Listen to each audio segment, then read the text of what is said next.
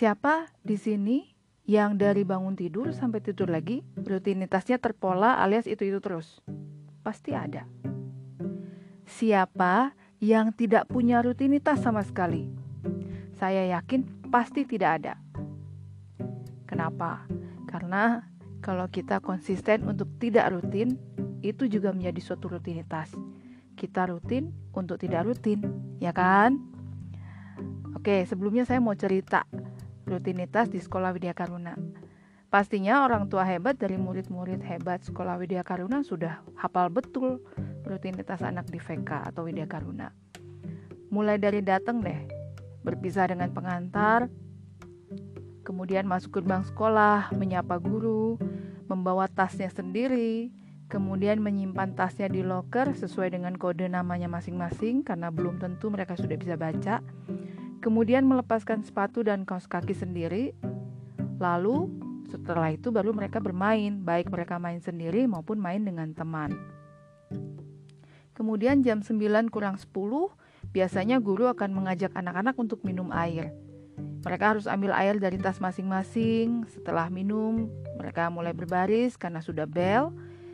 Kemudian saat berbaris ada lagu dan gerakan wajib yang dilakukan. Lalu pemimpin barisan akan ke kelas untuk memasangkan tanda hari di kelasnya. Dan kemudian teman-temannya semua masuk ke dalam ruangan aula untuk melakukan kegiatan circle time. Aduh, saya jadi kangen. Kangen membuat lintasan yang harus dilewati anak saat berjalan dari barisan menuju aula. Itu saya paling seru karena saya selalu memikirkan cara yang mengasihkan buat mereka supaya mereka banyak bergerak, baik merangkak, merayap, melompat, jongkok, berjalan di papan titian, mereka harus berlari atau jalan samping, jalan mundur, banyak sekali kegiatan aktivitas fisik yang menyenangkan bagi mereka. Dan kegiatan fisik itu bukan sekedar main begitu aja, tapi semuanya sudah ada pertimbangannya karena ada hal-hal yang akan diobservasi oleh guru ketika anak melakukan permainan tersebut. Nah, untuk permainan fisik ini nanti kita bahas di episode berikutnya ya.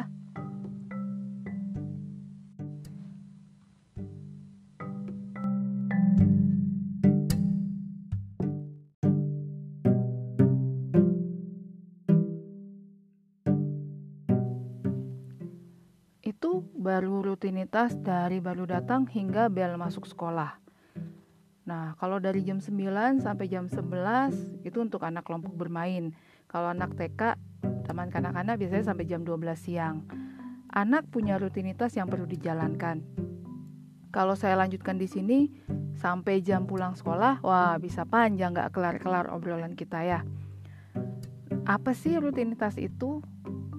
Nah, saya coba buka nih KBBI, Kamus Besar Bahasa Indonesia. Rutinitas dari kata rutin, artinya prosedur yang teratur dan tidak berubah. Hal membiasakan prosedur, kegiatan, pekerjaan dan sebagainya. Jadi kata kuncinya adalah teratur. Ada prosedurnya. Nah, kebayang gak sih ketika anak tidak punya rutinitas? Dia mau tidur mah tidur di mana aja boleh. Nggak perlu juga ganti baju, cuci kaki. Terus kalau mau makan, makan di mana aja, kapan aja, boleh dikasih. Mau makan apa aja, boleh. Soalnya kan kadang-kadang orang bilang kasihan masih kecil, nggak apa-apa dikasih aja gitu. Atau misalnya mau mandi kapan aja terserah, nggak mandi juga nggak apa-apa. Coba apa yang muncul dalam benak kita saat membayangkan menghadapi anak yang tidak mempunyai rutinitas. Sudah kebayangkan? Hmm, ya begitu deh. Nah, rutinitas yang dimaksud di sini itu bukan prosedur yang harus diikuti per menit per detiknya, kaku dan tidak ada ruang geraknya. Tetapi lebih ke arah rutinitas pembiasaan berperilaku. Misalnya, mau tidur, rutinitasnya adalah bersihkan kaki, cuci muka, gosok gigi. Kalau misalnya bajunya lembab keringetan ya ganti baju, biar apa? Tidurnya nyaman. Kemudian sebelum tidur mendengarkan orang tua membacakan doa pengantar tidur. Atau rutinitas mau makan, sebelum makan anak diajak cuci tangan dulu. Kemudian duduk, makannya di meja makan, nggak sambil jalan-jalan atau nggak sambil main yang lain. Makan juga mereka dilatih untuk makan mandiri. Kalau ada yang tercecer atau tumpah, begitu selesai makan nanti dibersihkan bersama-sama. Ini juga rutinitas. Atau misalnya mau dilatih nih besok mau sekolah. Aduh. Ya, semoga kita cepat bisa bertemu di sekolah ya. Besok mau ke sekolah. Diajak menyiapkan apa saja yang harus dibawa besok pagi. Seragam apa yang harus dipakai besok? Mau pakai kaos kaki yang mana? sepatu yang mana kalau misalnya sepatunya ada yang dia suka. Lalu ingat bawa buku penghubung. Dan kemudian besok pagi orang tua juga harus rutin menyiapkan bekal makan untuk si anak kalau nggak kesian anaknya di sekolah. Atau contoh gampangnya nih untuk sikat gigi. Jadi kita sama-sama ya membayangkan rutinitas sikat gigi. Pertama, kita ambil sikatnya. Kedua, kita buka odol. Tekan, oleskan odolnya di sikatnya, kemudian tutup odolnya, taruh. Lalu kita sikat gigi nih, sikat gigi. Lalu kumur-kumur, bilas sampai bersih. Sikatnya juga kita bilas, terus kita taruh. Buat kita yang sudah dewasa sih gampang ya. Tapi buat anak kecil yang baru satu tahun, dua tahun, mereka itu perlu fokus dan konsentrasi untuk melakukan sesuai dengan rutinitas yang kita lakukan mereka akan mengamati kita terus-menerus, dan ketika mereka sudah bisa melakukan sendiri, itu sudah lebih gampang. Nah, kenapa sih kita yang dewasa ini nggak mikir saat mau sikat gigi? Karena kita udah rutin. Karena itu ritual yang sudah nggak perlu mikir lagi, sudah menghemat energi kita. Nggak perlu mengingat-ingat, habis ini apa ya? Habis ini apa ya? Nah, coba nih. Siapa yang kalau sikat gigi suka lupa nutup odol. Terus ditegur nggak sama pasangannya?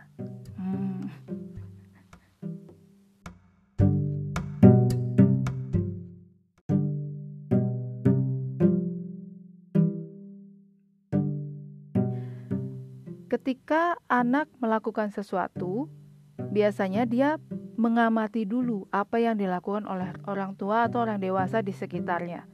Dia mengamati, kemudian dia meniru.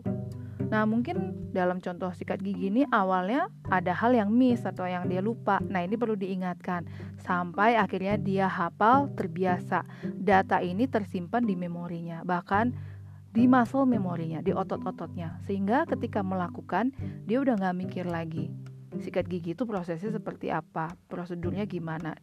Nah, kalau dia sudah dewasa, sudah pasti dia akan terhindar dari omelan pasangannya yang seneng kalau odol dalam kondisi tertutup setelah dipakai. Ya, artinya mengurangi konflik yang sebenarnya bisa dihindari. Rutinitas ini membantu anak untuk bisa memprediksi apa yang berikutnya akan terjadi. Dengan rutinitas ini membantu anak merasa aman karena dia tahu apa nih yang berikutnya apa yang harus dia lakukan berikutnya. Apalagi kalau yang dia lakukan itu sudah tepat dan mendapat apresiasi baik dari orang tua, dia akan merasa bangga. Dia merasa dia bisa, dia mampu, dan memunculkan rasa percaya dirinya. Anak yang paham rutinitas, dia tahu konsekuensinya jika rutinitas tidak dilakukan. Dan ini juga akan memunculkan rasa tanggung jawab pada dirinya. Dia bertanggung jawab bukan karena diancam oleh orang tuanya, tapi karena dia paham konsekuensinya ketika tidak melakukan rutinitas. Misalnya, setiap selesai main harus menyimpan mainan. Satu saat dia tidak melakukan. Akhirnya mainannya mungkin hilang atau keinjak jadi rusak dan dia sudah langsung menerima konsekuensinya. Ini juga membuat anak belajar, oh ketika saya tidak menyimpan mainan saya dengan baik, ada kemungkinan mainan saya hilang atau rusak atau disimpan oleh orang tua gitu. Nah, rutinitas ini membantu anak membangun kebiasaan baik. Kebiasaan baik ini jika terus berulang akan menjadi karakter yang baik. Nah, bagaimana jika orang tua super sibuk sehingga tidak sempat mendampingi anak apalagi membentuk rutinitas dalam kesehariannya? Ya, saya ada kasus yang seperti ini. Ya, karena masa pandemi sih, ada salah satu orang tua yang mata pencariannya udah nggak bisa dilakukan, berhenti total tidak bisa sama sekali. Dan mereka harus mencari peluang lain untuk bisa bertahan hidup. Dan akibatnya mereka tidak bisa melakukan rutinitas yang biasa. Nah, setelah ngobrol-ngobrol, gali data, informasi lebih jauh lagi, ternyata masih ada nih dua hal rutin yang bisa dilakukan orang tua kepada anaknya. Anaknya laki-laki. Pertama yaitu rutinitas saat mandi. Jadi pasti mandi itu ditemenin papanya atau ayahnya. Dan yang kedua, rutinitas saat makan. Saat makan selalu ibunya yang mendampingi. Yang tidak rutin adalah jam berapa mandi dan jam berapa makan. Kadang bisa lebih pagi jam 6 gitu kalau karena orang tuanya mau pergi lebih cepat jadi anaknya dibangunin. Kadang bisa lebih siang. Jadi waktunya yang tidak rutin, tetapi tindakannya atau kegiatannya rutin. Mandi ditemani papanya, makan ditemani mamanya. Gitu. Ya nggak apa-apa selama kondisi yang seperti ini kita maklumin dan selama dua kegiatan itu tetap bisa dilakukan dan dimanfaatkan orang tua untuk memperkuat ikatan emosi kalau kita istilahnya melakukan bonding ikatan dari hati ke hati dengan anak ini sudah lumayan daripada tidak ada sama sekali di paling tidak di dua kegiatan ini anak punya rutinitas yang jelas punya aturan yang jelas dia tahu bahwa orang tua itu otoritas bagi dia dan begitu orang tua sudah punya waktu yang lebih, mereka pasti menikmati betul kebersamaan dengan anak. Ya, ngomong-ngomong, waktu itu berlalu dengan cepat loh. Nanti tahu-tahu anak udah gede, udah lebih asik main sama temennya daripada ngikutin orang tuanya. Jadi, manfaatkan betul masa saat bersama sama anak semaksimal mungkin.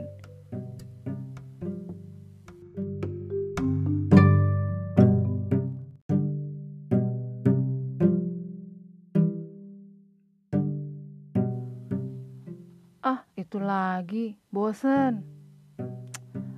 Bosen nih, mau yang lain aja ah. Nah, ini nih kendala dalam menerapkan rutinitas pada anak. Rasa bosan. Tapi, hidup memang begitu. Rasa bosan pasti datang. Justru anak dilatih mengenali rasa bosan, menghadapi rasa bosan. Kemudian cari cara untuk mengatasi rasa bosan dengan kegiatan yang lebih produktif. Nah, siapa nih yang kalau nonton TV, pas iklan langsung pencet tombol channel TV lainnya. Saya begitu tuh kalau lagi nonton TV. Untungnya udah lama gak nonton TV. Kenapa? Karena saya nggak mau nunggu sampai si iklan selesai. Bosen nunggu iklan.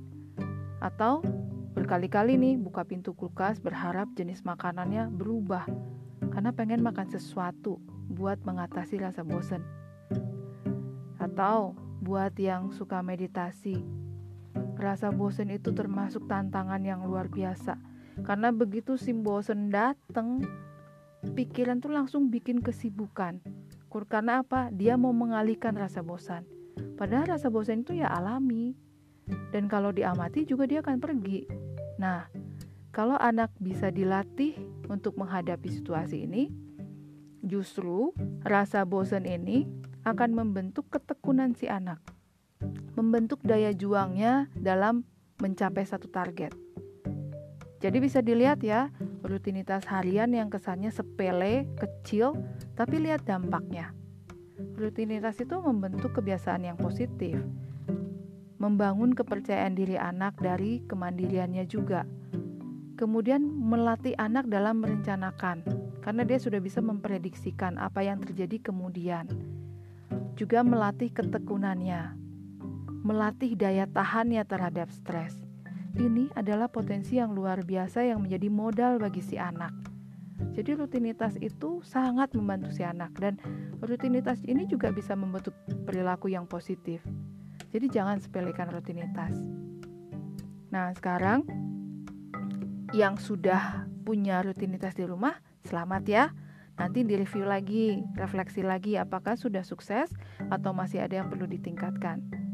Bagi yang rutinitasnya masih belum konsisten, silakan diskusi dengan pasangan, rembukan, supaya bisa ditentukan mana nih yang mau dikonsistenkan. Karena apa? Orang tua sebagai pasangan harus menjadi tim yang saling mendukung, kompak. Oke? Okay? Dan bagi yang baru mau merencanakan, nah sekarang udah bisa. Pilih satu dua rutinitas yang bisa diterapkan di rumah. Sedikit-sedikit tapi kalau konsisten pasti bisa. Nanti boleh nih tanya-tanya sama guru wali kelasnya. Kira-kira rutinitas apa sih yang diperlukan oleh buah hati yang sesuai dengan usia dan tahap perkembangannya. Silakan ya ditanyakan langsung ke wali kelasnya.